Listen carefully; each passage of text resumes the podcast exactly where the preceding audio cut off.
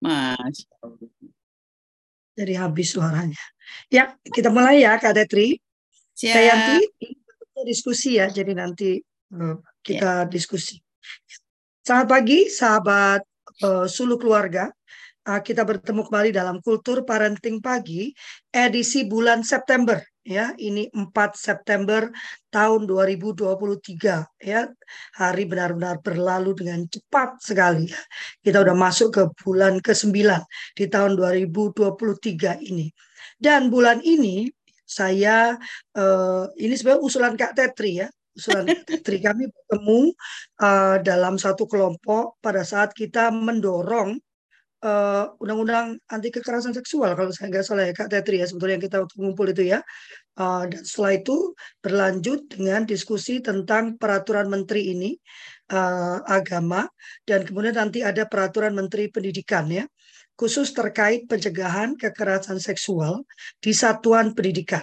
Nah, menarik buat saya melihat uh, peraturan menteri agama ini karena peraturan menteri agama ini muncul lebih dahulu ya Kak Tetri ya sesuatu yang waktu itu kami sambut dengan bahagia, tapi setelah itu sepi. Ya, tidak ada uh, uh, apa uh, keberlanjutan dari peraturan menteri tersebut gitu ya. Kalau peraturan menteri cuma peraturan menteri doang ya cuma cakep aja ya di bingkai gitu selesai, tapi tidak menyelesaikan permasalahan yang terjadi. Bulan ini sepanjang bulan ini kita akan mendiskusikan semoga dari lapisan agama mana pun uh, uh, saya mendapatkan perwakilannya, tapi yang pasti kita akan bertemu dengan teman-teman dari Katolik, teman-teman dari Kristen, teman-teman dari Hindu, Buddha, Islam. Ya, uh, kemudian di akhir bulan kami berdua, saya dan Tayanti akan memimpin diskusi untuk melihat apa nih sebagai sebuah komunitas yang bisa kita lakukan agar peraturan menteri yang luar biasa itu dapat uh, ya. Dan pagi ini sebelum kita memulai diskusi yang panjang sepanjang bulan September, kita akan uh, pertama mendengar dari Kak Tetri. Kenapa sih? Apa sih yang terjadi di lapangan sehingga uh, kami atau teman-teman merasa perlu untuk mendorong uh, kebijakan ini ya. Kalau sudah jadi kebijakan itu kan berarti di lapangan sudah keterlaluan gitu ya. Nah, apa sih yang terjadi di lapangan? Saya rasa Kak Tetri adalah orang yang tepat untuk kita ajak bicara.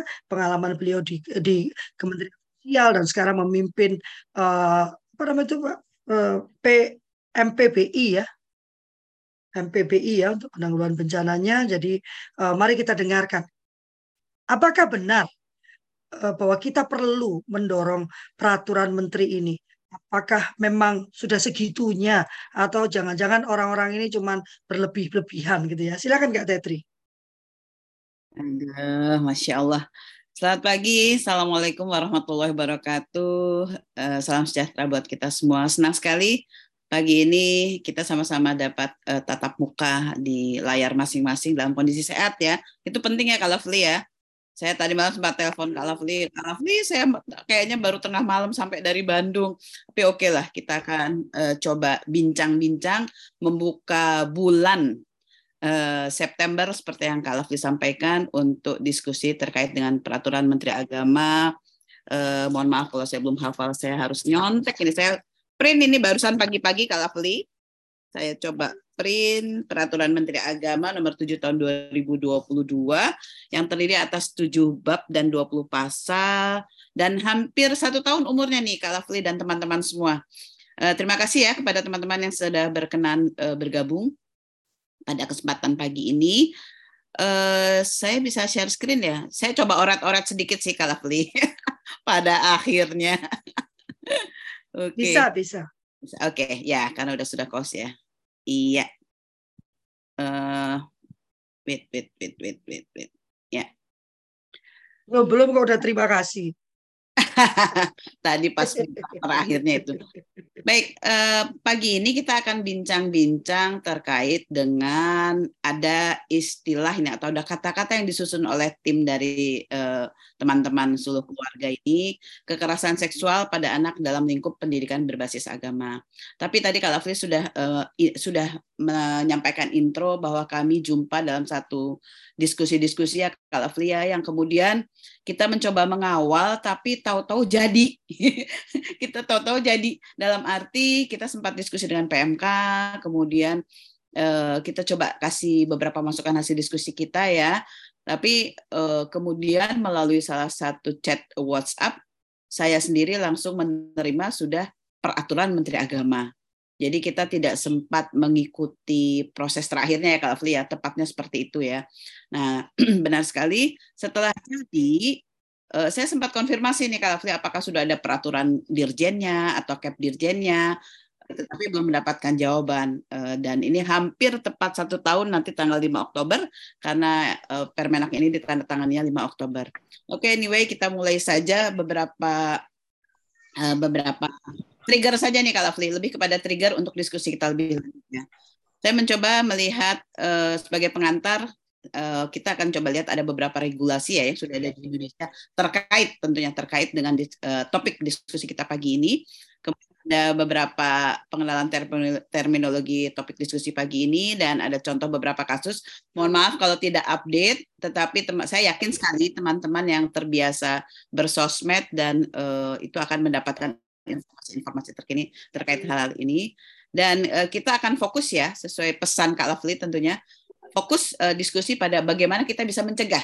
Jadi lebih kepada bagaimana kita bisa mencegah kekerasan seksual pada anak dalam pendidikan berbasis agama. Ini cukup panjang loh dan kalau di petani, kalau di breakdown satu persatu menjadi sangat uh, cukup kompleks dalam satu bulan ini ya.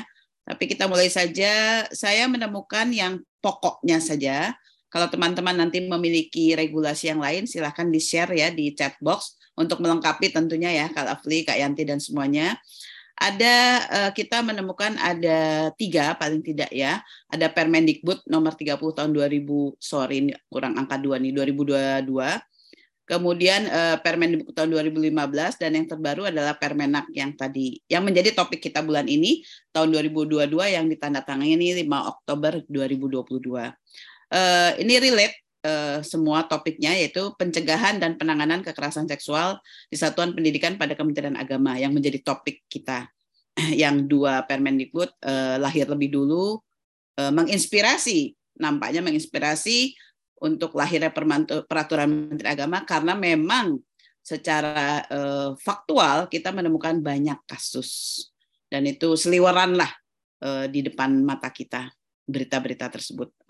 Oke, uh, ini ada yang uh, saya garis bawah ini teman-teman semua, kakak-kakak semua, bahwa kalau uh, peraturan Menteri Agama itu ada kata politik ternyata Kak Lovely setelah tak baca ulang dari Permendikbud dan dari Permenak jebulan nih ada di paling akhir itu kata-kata dan atau politik.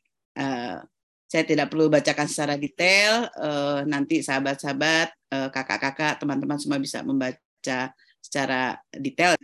Karena secara umum kita sangat paham contoh-contoh uh, kekerasan seksual seperti apa.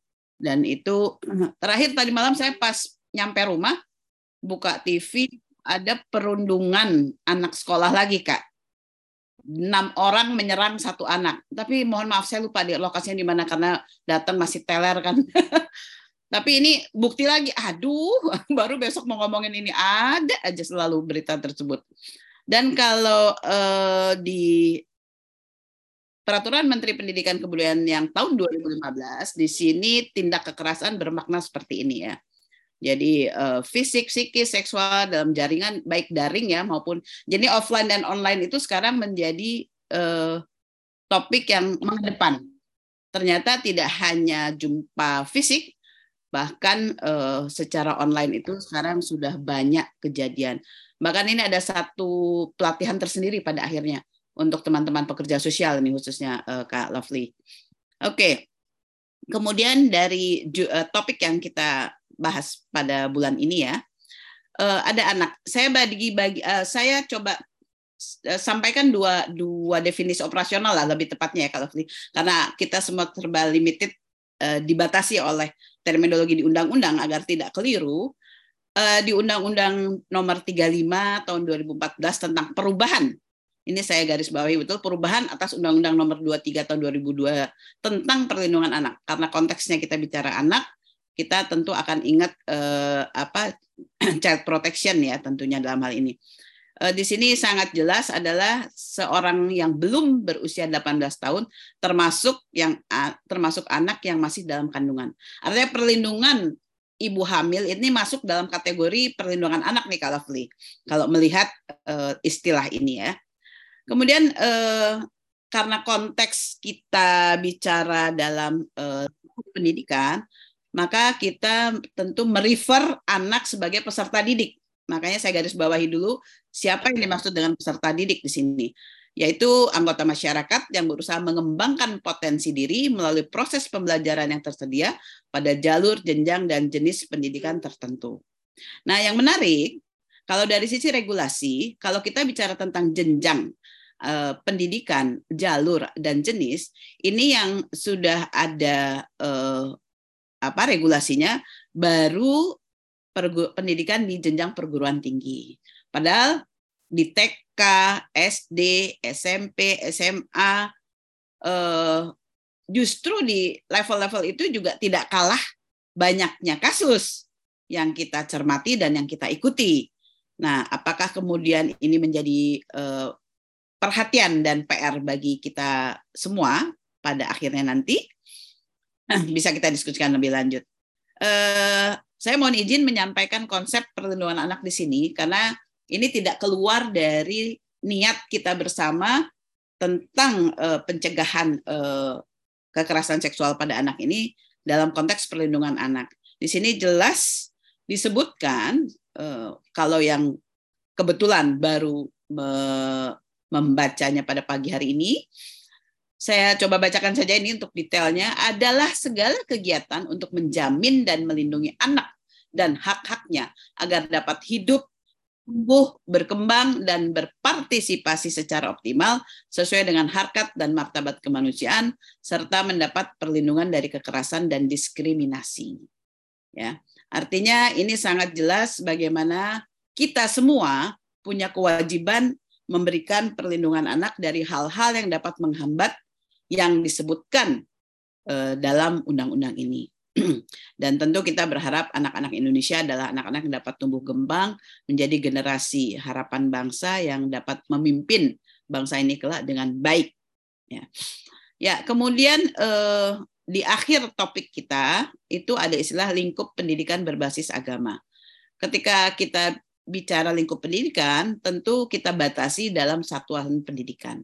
Apa yang dimaksud dengan satuan pendidikan? Di sini adalah kelompok pendidikan yang menyelenggarakan pendidikan pada jalur formal, eh, menyelenggarakan pendidikan pada jalur formal, non formal, dan informal pada setiap jenjang dan jenis pendidikan di Kementerian Agama meliputi madrasah, pesantren, dan satuan pendidikan keagamaan. Artinya, kalau ini yang dimention adalah madrasah dan pesantren, yang tidak dimention madrasah pesantren itu masuk dalam satuan pendidikan keagamaan, mungkin di antaranya ada uh, sekolah minggu, ada taman pendidikan Al-Qur'an uh, dan sebagainya ya. Artinya yang memang berbasis agama. Teman-teman, sesuai di pengantar tadi, uh, sahabat-sahabat sekalian, saya akan coba uh, kupas beberapa kasus di sini. Nanti bisa dibaca lebih detail lagi oleh sahabat-sahabat semua ya tentunya.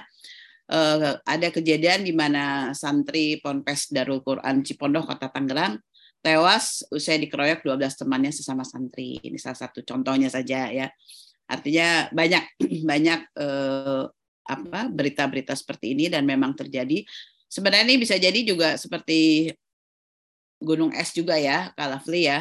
Karena yang terberitakan dengan yang tidak itu kita dalam komunitas ketika bicara tentang konteks ini, isu ini, kayaknya banyak yang nggak terberitakan ketimbang yang terberitakan karena kita tahu bersama uh, kultur kita di timur ini masih ada keengganan atau bahkan ada cerita salah seorang ibu kita dengarkan langsung waktu itu ya Kalafli bagaimana ketika mencoba memperjuangkan anaknya yang terkena atau uh, menjadi korban menjadi anak yang memang terdampak justru dipersalahkan oleh pihak pengelola pendidikan.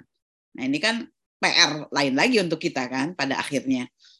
Nah, kemudian di ada di Instagram juga bagaimana eh, mantan anggota DPRD, pernah menjadi anggota DPRD dan seterusnya ya. Uh, ini yang terjadi. Cabuli dan perkosa enam santri. Mohon maaf, saya mengambil dari uh, apa sumber-sumber berita yang memang sudah terbuka publik ya kalau ya. Jadi ini tidak tidak insya Allah tidak menimbulkan Eh, hal-hal uh, yang tidak diinginkan, artinya memang ini sudah terpublish gitu. Ya. Oke, okay. kemudian uh, melalui uh, Komnas Perempuan juga di lamannya menyampaikan berita seperti ini, bagaimana kasus kekerasan uh, seksual terhadap 13 santriwati di Bandung uh, yang dilakukan oleh uh, seorang guru. Saya tuh nggak tega kalau kalau untuk menceritakan detail gitu, jadi ya uh, secara cepat saja ya. Is, sorry sorry uh, ini sebagai bahan diskusi kita lebih lanjut. Saya berharap kita banyak diskusinya. Yang terpikir oleh saya pagi ini, uh, perlulah kita membuat mekanisme pencegahan, penanganan, dan pemulihan terkait isu yang kita diskusikan hari ini. Artinya seperti apa sih gitu? Ini ini ini yang muncul meng, meloncat begitu saja di uh, pemikiran saya nih kalau jujur saja. Siapa melakukan apa, kemudian di mana, berapa lama, kemudian bagaimana milnya. Karena ini konteks uh, isu yang kita diskusikan ini memang yang belum ter apa ya, terangkat dengan sangat masif. Uh, nampaknya ini yang melatar belakangi seluruh keluarga juga mengangkat in, isu ini ya Afli kayaknya ya. Oke, mungkin sementara itu sebagai pemicu diskusi kita pagi ini. Terima kasih. Eh, salah satu latar belakang saya mengiyakan pada akhirnya untuk men-trigger diskusi karena saya juga bergerak di dunia pendidikan. Saya di eh, Ketua Yayasan Mazarina Hidanati dan punya tanggung jawab moral untuk eh, untuk ikut berkecimpung dan ikut bertanggung jawab terhadap isu pada pagi hari ini. Terima kasih Kak Lafli, saya kembalikan kepada Kakak. Ya, uh, memang uh, saya tadi jadi ter ini ya ke trigger ya saya cari-cari uh, jalur pendidikan. Karena yang saya tahu itu uh, tata aturan di Kemendikbud ya yang cukup rinci uh, membagi formal, non formal dan informal ya. Informal ini uh, sedang diperjuangkan untuk diatur uh, kalau kami bicaranya tentang homeschooling ya, karena homeschooling adalah pendidikan informal, jadi kami sedang berusaha mendorong. Sudah jadi sebetulnya draftnya, tapi belum juga dikeluarkan ya. Saya rasa ini juga urusan politik juga ya. Uh, ada yang mau disampaikan? uh, contoh-contoh yang ada memang uh, kebanyakan yang diangkat itu uh, dari kelompok uh, Islam ya. Tapi saya kok ngerinya ini seperti Kak Tetri tadi ini sebetulnya fenomena gunung es gitu ya. Kalau kita gali lebih dalam jangan-jangan uh, karena tata aturan yang di Kemenak itu belum uh, rinci, belum belum uh, belum terinci ya uh, uh, me, mengatur perlindungannya. Jangan-jangan kita akan temukan banyak ya, cuman karena mayoritasnya Muslim mungkin ya, sehingga yang ke, tampak kelihatan tuh jadi yang Muslim gitu ya. Cahyanti silakan, udah buka. Yeah. Uh, terima kasih Kak Lovely, Kak Tetri, kakak-kakak semua. Ini ada banyak teman-teman dari grup uh, safeguarding Kakak Lovely. Uh, jadi di dalam uh, upaya pencegahan untuk uh, kejahatan uh, seksual, terutama di uh, satuan pendidikan ini, secara Uh, khusus sih saya karena kebetulan diminta untuk mereview rencana kegiatan anggaran di Kemenak di uh, para eselon 1. Jadi saya melihat komitmen uh, Kemenak untuk melakukan uh, pencegahan itu di semua lini ya di diminta bahkan uh, istilahnya rencana kegiatan anggaran itu tidak disetujui kalau tidak ada mencantumkan upaya pencegahan tersebut gitu ya. Tapi ketok palunya seperti apa karena saya kan cuma dalam posisi uh, mereview dengan teman dari uh, mana Kementerian PPPA. Uh, yang uh, kedua uh, sebagai fasilitator nasional Satuan Pendidikan Ramah Anak yang uh, juga secara khusus membawanya ke Kemenak gitu ya um, sejak tahun 2014 khususnya di tingkat uh, madrasah dan uh, pontren pokoknya di bawah uh, Dirjen uh, Dirjen Pendis um, kami uh, ini berupaya untuk uh, menertibkan dari awal, eh bukan menertibkan, me menata kembali tata tertib di satuan pendidikan agar benar-benar mengedepankan prinsip kepentingan terbaik anak. Nah ini yang uh, tantangannya sangat sangat berat karena paradigma terhadap anaknya sendiri masih sangat sangat parah ya, masih anak itu ibarat gelas kosong yang diisi uh, dari uh, kita yang serba terbatas gitu. Padahal dengan arus informasi yang luar biasa, anak-anak kita perlu pendekatan yang lebih lebih uh, keren lagi lah gitu ya. Belum lagi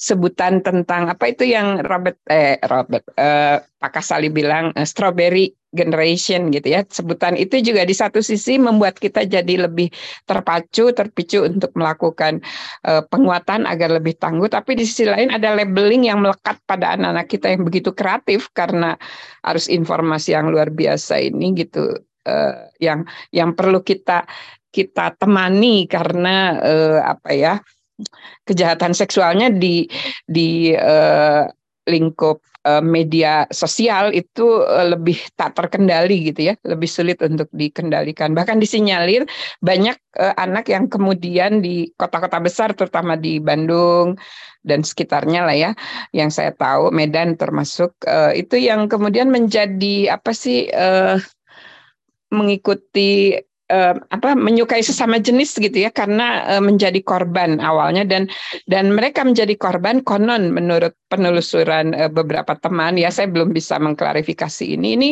memang sebelumnya dikorbankan gitu secara sengaja secara tersistem uh, itu ada upaya-upaya ke arah sana. Nah ini yang um, apa ya keluarga menjadi benteng pertahanan yang uh, luar biasa dan uh, saya sebenarnya menyambut uh, antusias ketika Kemenak kemudian mengambil alih ya sebenarnya kan dulu kita uh, mendorong RUU tentang pengasuhan ya. Uh, tapi kemudian itu terhenti karena disepakati di Kemenak lah uh, pembinaan keluarga itu harus diperkuat berbasis agama masing-masing.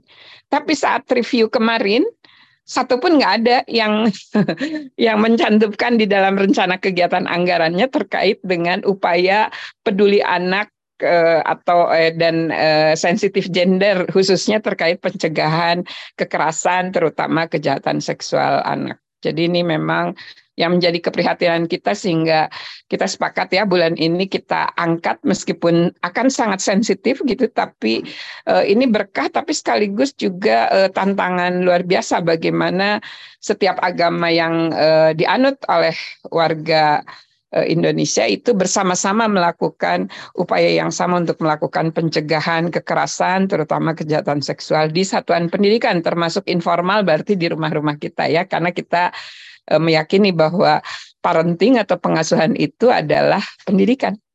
Itu kalau Lovely sebagai diskusi awal. Ya, saya juga baru jadi sambil denger ini saya sambil browsing-browsing ya karena memang yang biasa saya amati kan Kemendikbud Ristek ya. Uh, Saya cukup familiar dengan tata aturannya, tapi rupanya jadi rancu juga ya karena Menteri Agama mengatakan meng, meng, merefer ke Kemendikbud Ristek, tapi merefer itu kan nggak sama dengan me, menetapkan ya. Jadi uh, masih banyak celah. Teman-teman ada yang mau disampaikan? Apakah teman-teman merasa uh, penerapan Kemendikbud Ristek ini penting apakah teman-teman punya pengalaman ya, pengalaman baik itu hands-on experience yang dialami langsung atau dari komunitas teman-teman pernah uh, mengalami uh, kekerasan kekerasan seksual. Kita fokusnya pada kekerasan seksual yang terjadi di satuan pendidikan berbasiskan agama. Wah, ini ada Kak Jam-Jam. Kak Jam-Jam akan uh, bersama kita hari Jumat ya. Puji Tuhan ya. Uh, adakah yang mau berbagi? Bercerita? Yuk teman-teman, karena ini bentuknya kita berinteraksi ya. Ya, memang uh, kalau bertanya apakah perlu dan apakah penting untuk dilakukan, karena kadang juga ini bagi saya bicara paradigma berpikir ya. Paradigma berpikir terhadap anak-anak paradigma berpikir terhadap perempuan gitu ya teh ya kan Kak Tetri ya. Apabila paradigma berpikir terhadap cara kita memandang anak dan cara kita memandang perempuan itu sudah berubah, maka uh, keber, apa uh, hal setelahnya menjadi akan mengikuti gitu ya. Karena kelompok yang paling rentan dan ternyata uh, perkembangan sekarang tidak cuma anak perempuan yang rentan terhadap kekerasan seksual begitu kan? Bahkan anak kita yang laki-laki pun itu juga rentan terhadap kekerasan seksual ya. Uh, dan ya, kekerasan seksual itu satu yang yang kerusakannya juga termasuk permanen ya. Sampai dibawa sampai ke usia dewasa. Ayo ini kok jadi lovely, kayak mungkin uh, sedikit ya. Kita namanya diskusi hmm. ya. Uh. Yang menarik dari isu kita yang di, akan dibahas sepanjang bulan September ini adalah kalau dilihat dari tugas dan fungsi Kementerian Lembaga, nampaknya ini uh, minimal itu Kementerian Agama jelas, Kementerian uh, Dikbudristek tadi, terus KPPA, uh, hmm. sehingga ini memang nampaknya memerlukan lembaga yang kemudian juga ikut mengawal Mungkin Akademi Suluh Keluarga menjadi salah satunya dan kita nanti coba gandeng yang lain. Seperti yes. contoh begini, uh, begini Kak Lovely ya. Saya saya ikut uh, uh, in charge juga di isu GBV ya, yang notabene di backup oleh UNFPA. Nah, di antaranya bagaimana kemudian isu mainstreaming kekerasan seksual uh, di situasi bencana itu terkawal dengan baik Artinya terkawal dengan baik itu kemudian ada mekanisme, ada dinamika, kemudian ada berbagai acuan yang memang disusun yang kemudian coba kita implementasikan dan diupayakan itu menjadi panduan bagi semua pihak yang incas di isu tersebut gitu. Kak Jam-Jam pasti tahu persis lah ini. Nah, bagaimana mungkin ini nanti kita connectingkan dan memang menjadi menjadi satu karena ini uh, uh, apa ya semacam pengarus utamaan juga pada akhirnya kan ya. Karena kalau kita bicara di satuan pendidikan tadi kalau Fli kalau Fli sendiri personil yang memang incas di di apa uh, ngeblend banget ya sama homeschooling. Mungkin kita perlu satu tokoh yang memang di dunia pendidikan formal. Kemudian bagaimana juga memulai dari rumah tangga. Kalau kita bicara keluarga batih tadi ya. Seperti BNPB kan sudah mendeklar ada uh, keluarga tangguh bencana Nah, bencana itu banyak bentuknya kan. Kekerasan seksual juga saya pikir salah satu bentuk bencana yang uh, perlu kita antisipasi. Nah, mungkin tetapi trik uh, apa uh, step-stepnya tentu berbeda dengan yang sifatnya bencana. Kita kalau bicara bencana kan biasanya kalau merunut ke undang-undang itu memang alam, non alam, sosial dan sebagainya. Nah, ini kita uh, isunya apa? Uh, kekerasan seksual itu sendiri. Mungkin ini bisa menginspirasi sahabat-sahabat, kakak-kakak untuk diskusi lebih lanjut. Terima kasih Kak Lovely. Silakan. Ya, ya. Uh, konteks suluh keluarga, konteks suluh keluarga adalah kegerakan yang diawali dari rumah. Ini konteksnya ya. Uh, jadi kami tidak bergerak di politik, kami tidak bergerak di uh, di, tetapi saya kami sangat percaya bahwa uh, kekuatan itu, kekuatan sebuah bangsa itu dimulai dari ketangguhan di dalam rumahnya. Itu sebabnya sudah tiga tahun kami melakukan kultur parenting pagi ini, memperkuat institusi keluarga. Harapannya nanti ikut memperkuat uh, kondisi bangsa kita. Ya, dan saya sangat setuju gitu ya uh, sebagai sebuah komunitas yang sudah tiga tahun berkumpul bersama dan hari ini mencapai 450 uh, orang di dalam WhatsApp grup ya. Saya rasa kita perlu turut serta. Setidaknya di rumah kita sendiri, setidaknya ya, di rumah kita sendiri kita memahami ini dan membekali anak kita ya mengubah paradigma saya itu selalu senang bicaranya mengubah paradigma berpikir kita tentang anak-anak kita ya tentang perempuan-perempuan di sekitar kita, anak-anak di sekitar kita sehingga mulai dari rumah itu terjadi perubahan ya bagaimana bersikap, bagaimana uh, menerima perlakuan gitu ya, hal-hal yang tidak bisa ditoleransi ya, tidak bisa ditoleransi ya, hal-hal yang salah satu alasan kenapa saya menghomeschoolkan anak-anak saya itu Uh, karena ada hal-hal yang tidak bisa saya toleransikan dan terlalu lelah waktu itu saya kalau saya harus uh, terus-terusan protes ke sekolah gitu ya. Jadi saya ini paling sering mengunjungi sekolah gitu ya. Uh, pada akhirnya saya memutuskan oke okay, saya akan tarik anak saya dua-duanya dan kemudian uh, berhomeschool ya. Puji Tuhan anak-anak sudah besar dan mereka bisa waktu tumbuh besar, mereka sulit memahami perilaku orang-orang di luaran gitu ya, yang kenapa mesti begitu ya mah, kok begitu ya mah, kenapa kok begitu ya mah. Tapi sejalan mereka uh, bertumbuh, uh, mereka uh, yang saya senang itu mereka bisa firm dengan uh, tata nilai ya yang kami sepakati di rumah. Nah, itu kan ya. Tata nilai yang kami sepakati di rumah, tapi tetap melakukannya dengan penuh penghormatan. Anak saya yang besar misalnya, dia akan dengan gampang keluar dari satu kelompok apabila terindikasi terjadi kekerasan seksual ya. Kalau uh, Bapak Ibu ikut Twitter dia itu dia paling galak tuh ngomongin uh, apa kekerasan seksual di lingkungan seni ya karena dia bergerak di uh, jurnalistik dan seni uh, jadi dia paling keras itu bicara soal itu Uh, dan menurut saya itu sesuatu yang luar biasa untuk anak yang baru 27 tahun ya. Uh, sudah konsisten bicara. Ayo. Dan saya rasa ini nomor satu saya tanya dulu. Silakan dijawab lewat chat kalau enggan bersuara. Menurut Bapak Ibu, apakah ya fenomena kekerasan seksual di dalam satuan pendidikan berbasiskan agama? Ini berat kenapa? Karena kita ingin percaya kita ingin percaya bahwa kita aman saat kita berada di lingkungan agama kita sendiri. Saya nggak hanya bicara tentang Islam loh ya. Saya sedang mencoba menggerakkan eh, per PGLI ya, Persekutuan Gereja-Gereja dan Lembaga-Lembaga Injili untuk menginisiasi kegerakan uh, pembuatan eh, SOP ya, panduan perlindungan perempuan dan anak di tiap gereja gitu ya. Uh, Pak Paulus mengatakan tidak perlu katanya yang lainnya silakan. Paulus bersama, menyampaikan perlu ini tidak perlu dibicarakan gitu. Oh, Pak Rizky mengatakan sangat perlu. Ayo silakan, silakan berpendapat. Tidak boleh, perlu boleh justru di sinilah hari pertama ini kita ingin menggali apakah memang apakah memang ini ini sesuatu yang kita perlukan nggak sih? Kalau kita sendiri merasa nggak perlu, ya sampai uh, jebrot juga nggak akan terjadi gitu ya. Apakah ini memang perlu gitu kan? Oh, Bu, Bu Siwia mengatakan sangat perlu. Teh Yanti wajib katanya ya, uh, sangat perlu dibahas. Kak Justin silakan mau berbicara katanya, silakan Kak. Sambil terus diisi ya, uh, bagaimana ya. pendapat Anda? Silakan Kak. Iya. Uh, terima kasih Kak. Satu saya mau tanya, sopan ini apa ya? Karena beberapa menuliskan sopan ya. Uh, solidaritas perempuan dan anak. Wah, oh, selamat bergabung Kak Yustin. Silakan. Iya, iya. Terima kasih Kak. Uh, senang sekali. Saya baru dapat link tadi dan saya ikut dalam proses uh, dalam perjalanan.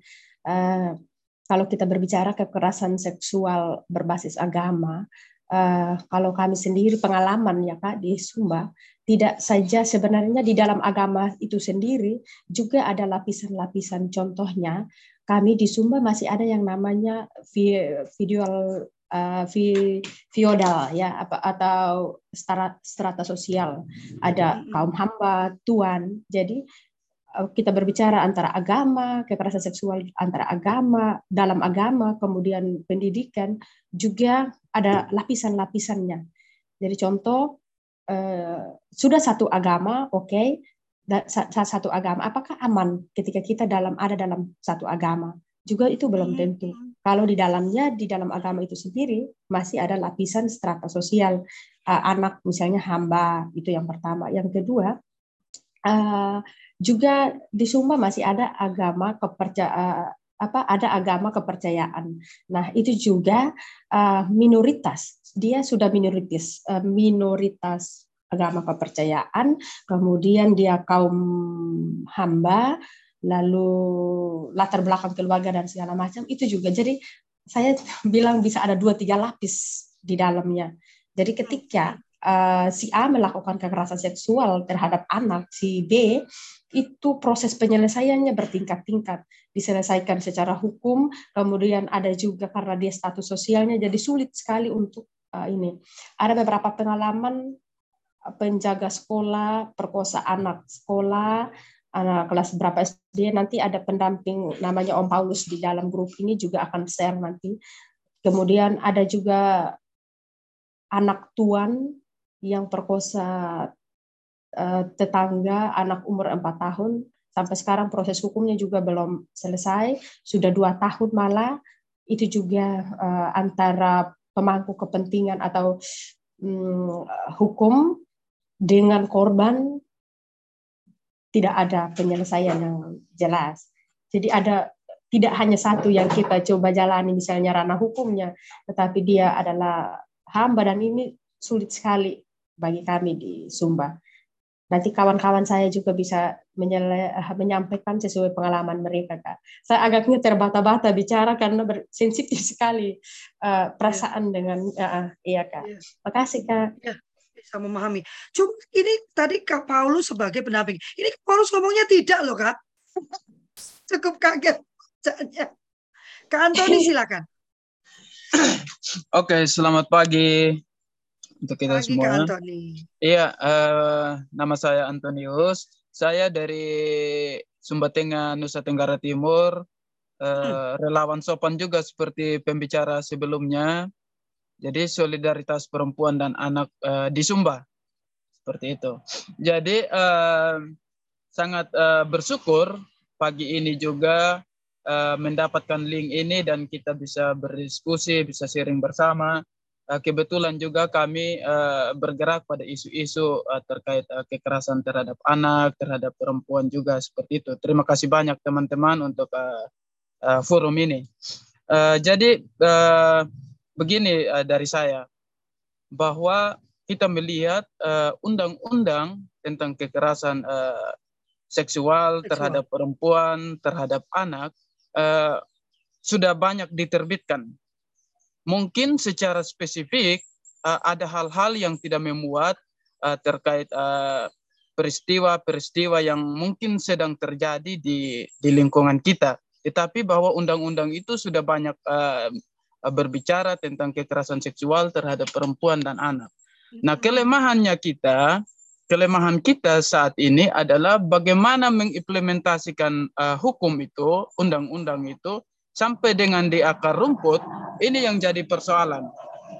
Nah, uh, kendala kami di Sumba ini bahwa secara hukum positif ada aturan yang mengatur tentang uh, kekerasan seksual terhadap perempuan dan anak tetapi di sisi lain bahwa masalah agama, masalah uh, budaya itu juga menjadi kontradiksi dalam uh, pengambilan uh, uh, keputusan ini. Saya kasih contoh begini, Bu. Saya kasih mm -hmm. contoh. Mm-hmm. Di gereja Kristen bahwa terjadi pernikahan itu cuma satu kali. Mm -hmm terjadi pernikahan satu kali. Nah, bila mana terjadi uh, kekerasan dalam rumah tangga ataupun ya. pelecehan ya. seksual uh, ya. yang tidak dapat ditoleransi secara hukum positif, nah ini kontradiksi dengan uh, peraturan gereja. Itu itu terjadi. Nah, lalu yang berikut, ya, lalu yang berikut ada kekerasan uh, seksual yang terjadi kepada anak atau dalam dalam hal ini dalam uh, ranah pendidikan. Hmm. Nah, karena adanya uh, aturan budaya yang masih kental di dalam lingkungan kita, nah kadang-kadang hukum positif itu uh, rasa-rasanya tidak berguna. Karena persoalan itu uh, lebih didominasi penyelesaiannya secara budaya. Nah, -hmm. seperti yang dikatakan oleh pembicara terdahulu Kayustin tadi bahwa uh, katakanlah uh, korban ini uh, dari sisi lapisan paling bawah dalam strata mm. sosial paling bawah mm. karena uh, uh, uh, budaya feodalismenya kita masih masih ada dan ini juga satu kelemahan kak seperti itu oleh karena itu uh, yang yang sangat uh, menjadi keresahan saya bagaimana undang-undang yang sudah ada ini betul-betul mm. menjadi menjadi mm. wabah di akar rumput. Artinya menguasai. Nah, seperti itu, Kak. Sehingga betul-betul kekerasan terhadap uh, perempuan dan anak ini uh, jujur saja Kak masih terbanyak uh, masih terjadi di lingkungan kita itu sangat-sangat banyak. Hanya tidak tidak teridentifikasi secara secara hukum maupun secara kekuatan uh, hukum sehingga hal-hal ini tidak tidak uh, terpublikasi uh, sepertinya tertutup. Nah, dengan kekuatan politik, kekuatan uh, hierarki, kekuatan feodalisme, budaya itu itu yang membuat uh, satu kelemahan dalam perjuangan kita. Oleh karena itu dalam ranah ini dalam forum ini kami berterima kasih, kami diundang juga untuk bisa bergabung. Uh, mungkin ini yang bisa kami bagikan, kami share ke kakak-kakak untuk menjadi uh, pertimbangan dan bahan evaluasi kita bersama. Mungkin itu dulu yang dapat saya sampaikan Kak. Waktunya saya kembalikan. Sekian. Kak Lovely, boleh langsung nyambung ya. dikit nih. Uh, halo Kak, saya tambah Ini... sedikit Kak. Sorry, sorry ya. Kak. Oh silakan. Iya, ya silakan Kak Yusin. Ya, jadi tadi kita berbicara bagaimana pencegahan Kak, tapi saya agak melenceng ya. sedikit. Juga kita berbicara tentang uh, orang-orang uh, penting yang perlu diedukasi. Yang paling penting menurut kami di Sumba yang perlu diedukasi bukan masyarakat akar rumput saja, tetapi uh, dari tingkat uh, tokoh-tokoh, misalnya kepolisian. Kadang kepolisian tidak kuat ya menangani kasus-kasus seperti ini. Selalu bilang ini budaya nanti mereka lemah, tapi tidak kuat me membedah atau uh, melihat aturan-aturan mana yang harus dikenakan pada pelaku. Itu tidak kuat di Sumba. Kepolisiannya perlu diedukasi lebih tinggi, tokoh agamanya itu yang paling disentuh pertama. Itu mungkin itu dari saya Kak, terima kasih. Sayangnya Kak Justin itu nggak cuma terjadi di Sumba ya, itu terjadi di seluruh Indonesia ya. Itu sebabnya saya itu selalu bicara tentang perubahan paradigma berpikir ya. Uh, bahkan di uh, kebetulan bukan kebetulan ya, saya terlibat di Lembaga Perlindungan Anak Indonesia dan sekarang menjadi pepak ya uh, uh, penggerak penegak penegak perlindungan perempuan dan anak uh, pepak ini uh, selalu yang menjadi kendala sebetulnya adalah paradigma berpikir dari penegak hukum itu sendiri. Bagaimana mereka memandang korban, bagaimana mereka memandang pelaku, apalagi kalau pelakunya itu kebetulan adalah tokoh ya, tokoh uh, tokoh di tempat di lingkungan itu gitu ya. Saya tidak harus selalu berbicara tentang tokoh agama ya.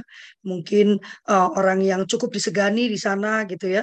Tadi di grup baru dibagikan tentang ciri-ciri uh, pedofilia gitu ya. Sayangnya itu blur ya. Uh, uh, para pelaku ini memang susah kita deteksi ya. Maka le lebih baik memper, memper, memper apa ya, memperkuat diri. Kak Tetri tadi ingin menyampaikan sesuatu? Ya, uh, di salah satu poin rekomendasi yang tadi saya sampaikan melalui uh, slide-slide saya tadi, memang ini menjadi salah satu jawaban Kak Lovely sebenarnya. Siapa hmm. melakukan hmm. apa, kemudian siapa yang hmm. mengawal. Jadi jangan cuma hmm. jadi dokumen manis tadi kalau istilah Lovely kan, uh, peraturan hmm. Menteri Agama itu bagaimana, Permendikbud itu bagaimana. Artinya hmm. satu tanggung jawab kita bersama. Kenapa seluruh keluarga memilih memulai dari rumah, tidak di ranah yang lain. Ketika di rumah kuat, asumsi positif yang kita bangun adalah bagaimana keluar pun anak-anak kita, diri kita, suami kita, istri kita juga kuat. Kan sebenarnya ke sana ya Kak ya. Nah, cuma mm -hmm. memang, memang perlu perlu pengawalan tadi kalau istilah saya. Pengawalan memang ada lembaga yang secara -hmm. secara concern dan penuh komitmen dan dedikasi tinggi mengawal berbagai produk regulasi yang dilahirkan oleh pemerintah karena nggak mungkin pemerintah bekerja sendirian pasti harus ada dari kita semua. Itu sih uh, yang ingin saya tambahkan. Ya, setuju sekali. Ya, itu sebabnya Kak Justin, eh, teman-teman di Sopan saya salut ya. Saya salut dengan dengan apa yang sedang teman-teman lakukan. Uh, saya tahu lapisan budaya di sana masih uh, sangat tidak memihak kepada perempuan dan anak ya. Uh, dan apa yang teman-teman lakukan ini benar-benar sesuatu yang mendobrak uh, saya sih berharap nanti lewat lewat uh, sulu keluarga ya karena ini adalah uh, komunitas ya bukan SM bukan apa ini adalah sebuah komunitas maka kita sama-sama membagikan uh, strategi ya yang mungkin bisa kita kerjakan di tempat kita masing-masing seperti kata Kak Tetri tadi gitu ya uh, tata aturan kata Antoni Kak Antoni tadi juga sudah mengatakan secara kebijakan itu banyak sudah banyak tapi kok nggak nyampe gitu ya, nggak terjadi di lapangan. Nah, saya rasa tugas kita gitu, jangan juga selalu menyalahkan habis pemerintah ya. Nah, mari kita bergerak sebagai uh, masyarakat itu yang benar-benar melihat bahwa ini sesuatu yang urgent. Kak Paulus ada yang mau disampaikan? Dan saya juga setuju dengan Kak Paulus ya, memang kita tidak mempermasalahkan agama. Cuman judul besar kita ini adalah peraturan Menteri Agama yang membicara tentang uh, kekerasan pencegahan kekerasan seksual di dalam satuan pendidikan berbasiskan agama. Nah, ya jadi saya oh. tidak sedang mempermasalahkan agama tertentu. Saya setuju dengan Kak Antoni juga bahwa ada ada beberapa tata aturan yang kemudian mempersulit perempuan-perempuan yang misalnya berada dalam pernikahan yang penuh dengan kekerasan atau uh, ke, baik mental maupun fisik ya. Ada juga teman-teman saya yang ditinggal kabur begitu saja gitu ya. Laki-lakinya asik sendiri sementara dia terjebak dalam tata aturan itu gitu ya. Nah, ini yang perlu menjadi ah, ini Kak Nur yang saya bacakan ya. Yang menjadi kendala yang pernah saya tangani ketika ada kasus banyak pihak yang enggan meneruskan ke proses hukum. Mengawal itu di Indonesia itu masih tidak sederhana. Tidak seperti yang diharapkan benar. Biaya cukup tinggi karena prosesnya cukup panjang. Benar Kak, benar sekali. Iya, uh, benar sekali. Bahkan uh, apa visum ya, visum itu mahal sekali gitu kan uh, sekian juta dua atau tiga juta gitu ya ya. Untuk ya. teman-teman yang berada di bahkan untuk teman-teman yang bergerak di perlindungan korban pun ya, setengah mati ya kita mesti menyediakan dana yang cukup besar untuk membantu uh, korban ini melaporkan. Kak Paulus silakan. Uh, ya terima kasih kesempatan yang diberikan. Uh, selamat pagi untuk kita semua.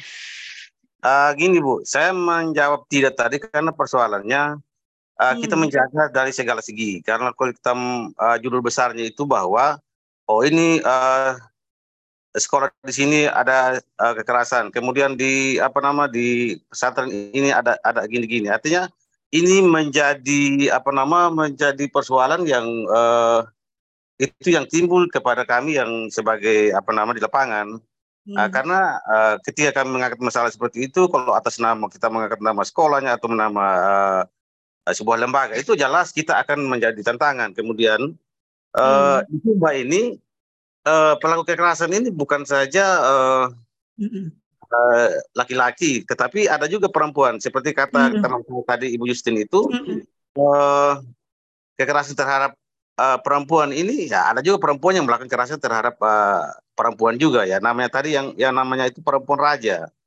Jadi ini yang menjadi uh, persoalan kami di Sumba. Ini susah sekali kami uh, bisa uh, mendapatkan jalan keluarnya. Sehingga kalau kita katakan, saya sering katakan di Sumba itu uh, ini menjadi satu persoalan itu uh, kekerasan uh, darurat uh, darurat uh, darurat ham sebenarnya kalau kita mau lihat secara ini. Nah cuman, nah bagaimana kami yang yang sebagai apa nama ini uh, lembaga yang memperjuangkan hak-hak uh, masyarakat kecil. Cuman ya cuma hanya kita sebatas kita bicara, tapi kita segala segala ya. keserangannya memang uh, sangat minim. Cuma karena kita hanya berdasarkan kepedulian ya kita bagaimanapun ya kita tetap menyuarakan hal-hal seperti itu. Uh, mungkin itu saja. Terima kasih. Selamat pagi. Luar biasa. Jam-jam ada yang mau ada mau disampaikan karena kamu yang paling jago untuk bicara regulasi ya. Saya rasa kalau lawannya adat itu kan hanya bisa dijawab lewat tata aturan kebijakan dari negara ya. Benar nggak jam-jam uh, alur berpikirku ini? Jam? Lagi Atau Tayanti? Oh, oh Tayanti Halo. mungkin bisa. Ini ada teman dari ah ini jam-jam udah on. Silakan jam. Kayak terdengar nggak suara saya, Mbak Dengar, suaramu kok ini banget, ngebas banget. Iya, aku lagi di, di bis nih, agak ini. Oh, oke, okay, oke, okay. okay. silakan jam. Agak terganggu pencariannya. Iya, kalau bicara regulasi, uh, mungkin kita bukan hanya dari sisi ketersediaan regulasi itu implementasi. Walaupun dari sisi untuk mendorong implementasi regulasi itu kita harus uh, benar-benar proses penyusunan regulasi itu uh, secara partisipatif melibatkan semua pihak yang berkepentingan dan yang mampu untuk menjalankan. Dan konteksnya mungkin ya kalau kita di sini hmm. pencegahan penanganan kekerasan ada unsur pencegahannya, penanganannya, pencegahannya siapa yang proses yang paling punya uh, otoritatif gitu ya untuk pencegahan semua punya gitu kan. Dari rumah dari lingkungan masyarakat di masyarakat ada aparat di uh, komunitas satuan pendidikan. Kalau kita bicara pendidikan keagamaan ada yang Islam tadi ya sudah banyak disebutkan uh, pengelolanya gitu. Dan langkah-langkah yang diatur atau substansi dari regulasi itu kan harus sesuai ya. apa yang uh, secara efektif dapat mencegah kekerasan seksual secara normatifnya atau secara uh, antropologisnya atau secara empirisnya seperti apa. Mungkin kalau bicara empiris, bicara budaya, selain ada hukum positif, ada hukum adat, juga ada hukum uh, norma kebiasaan di rumah dan lain sebagainya itu perlu perlu digaris bawahi menjadi uh, tepat sasaran dan implementable atau uh, adaptable gitu atau bisa dilaksanakan dan bisa diadaptasikan sesuai konteksnya. Nah, nanti ketika bicara implementasi regulasinya, ini perlu beberapa hal, ada tiga minimal ya. Pertama, bahwa isu ini menjadi penting bagi seluruh kalangan yang terkait ya. Uh, keluarga uh, menjadi penting ini harus dibicarakan sekolah juga uh, bagaimana menjadikan isu ini menjadi penting ya untuk dibahas punya kebijakan di tingkat sekolah ada ada intervensi untuk pencegahannya dan sebagainya. Jadi merasa penting uh, sebagai value yang harus dijunjung tinggi atau harus dilaksanakan uh, itu dulu gitu membangun awareness. Nah tugasnya siapa untuk membangun awareness membangun semua isu ini bahwa isu ini bicara otoritatif ya eh, bicara kreativitas dari kepala daerah, bicara kreativitas dari uh, yang punya regulasi. Misalkan kita mau bicara di Kemenag, di agama ya Kemenag.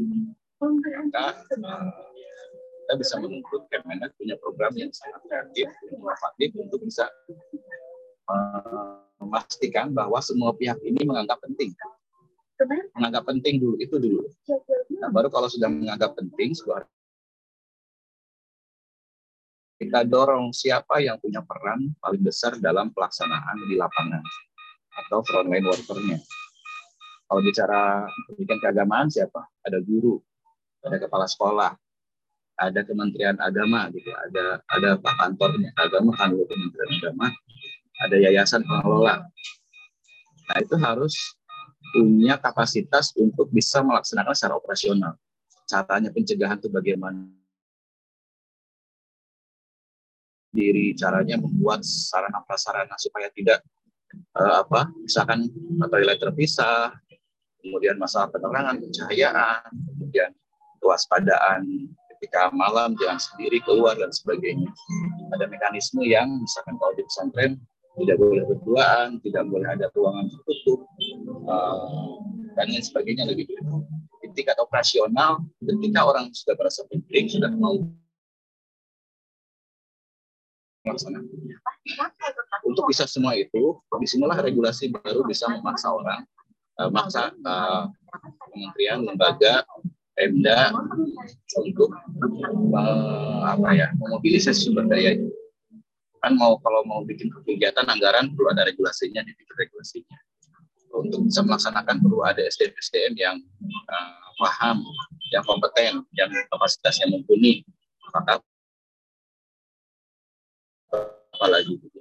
atau bikin media KIE untuk tadi untuk uh, atau bikin regulasi yang uh, apa tadi misalkan uh, titik-titik rawannya di mana sih kekerasan seksual itu terjadi. Nah itu uh, bikinlah regulasi untuk mencegah memitigasi adanya titik-titik rawan itu. Jadi kayak gitu kalau feminisme tiga hal ya. Jadi satu creating public value-nya bahwa value tentang kekerasan seksual ini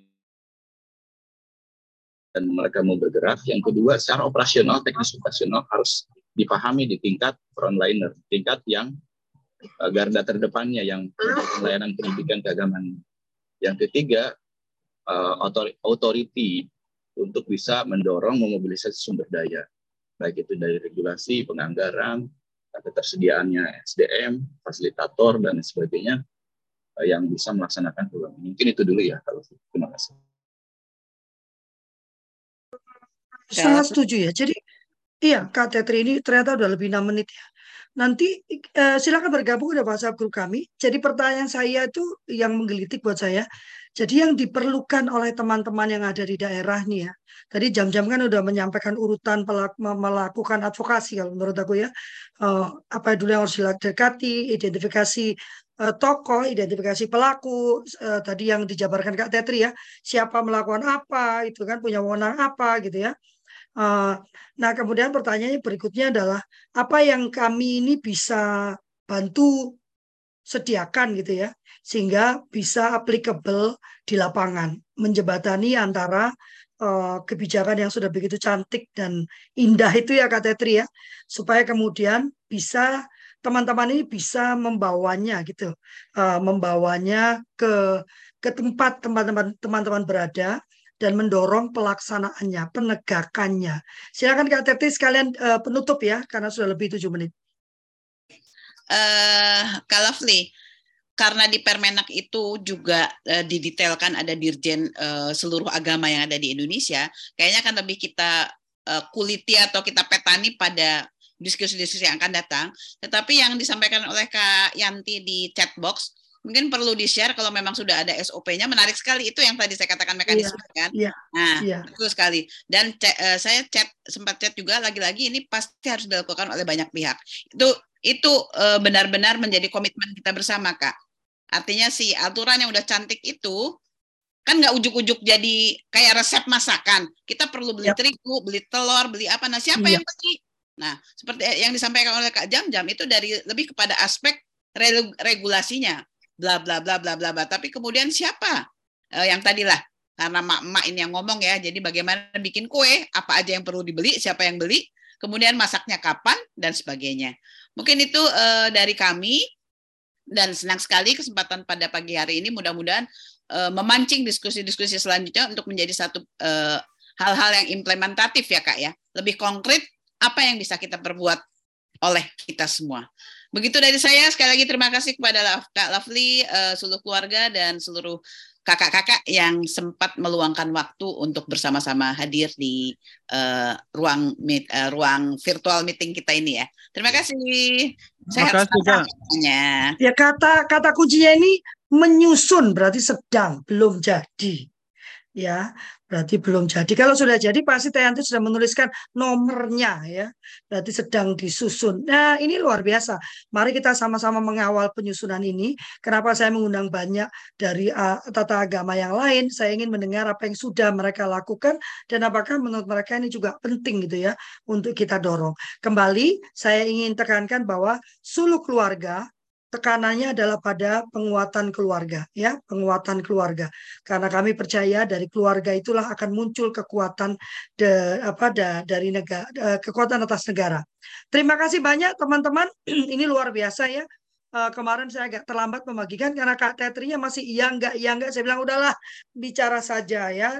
Uh, kita perlu mendengar dari yang punya ide gitu ya dan luar biasa hari ini sampai 35 orang. Kita akan bertemu lagi di hari Jumat Kak Jam-Jam yang akan bicara khusus tentang permenaknya ya karena beliau ini ahlinya pembedah kebijakan dan membuat kebijakan jadi kita akan bicara khusus tentang permenaknya.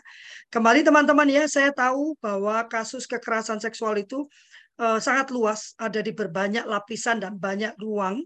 Cuman bulan ini mari kita diskusikan khusus pada peraturan Menteri Agama ya tentang pencegahan kekerasan seksual di satuan pendidikan berbasiskan agama.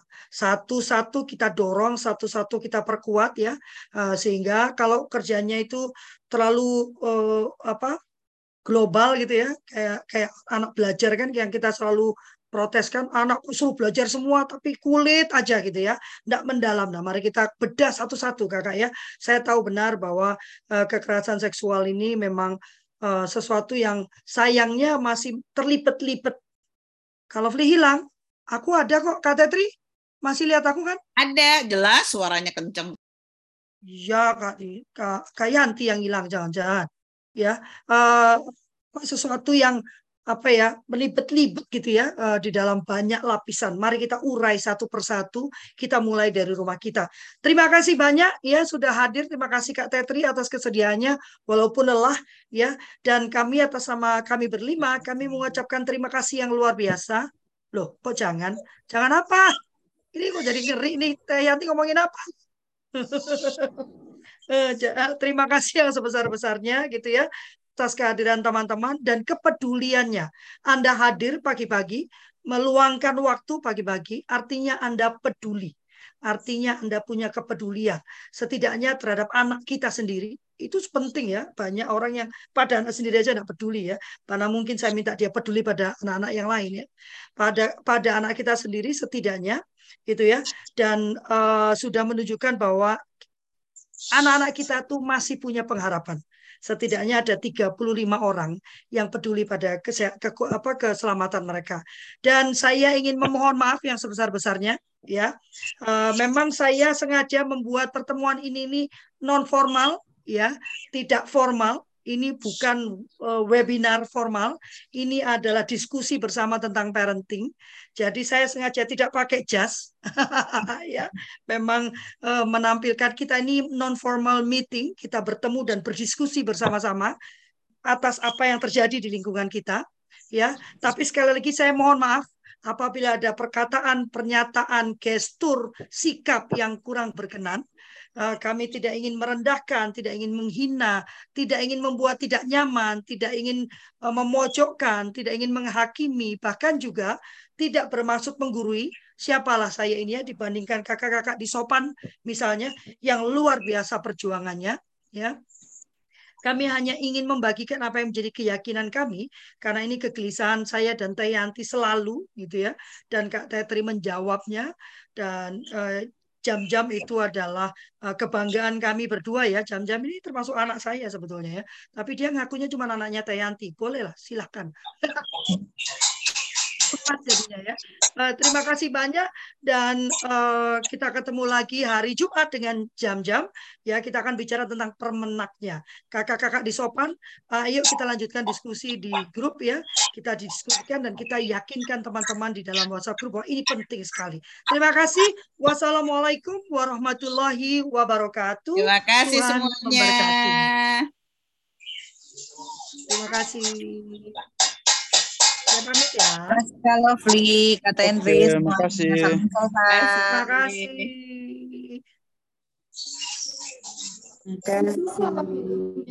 Terima kasih.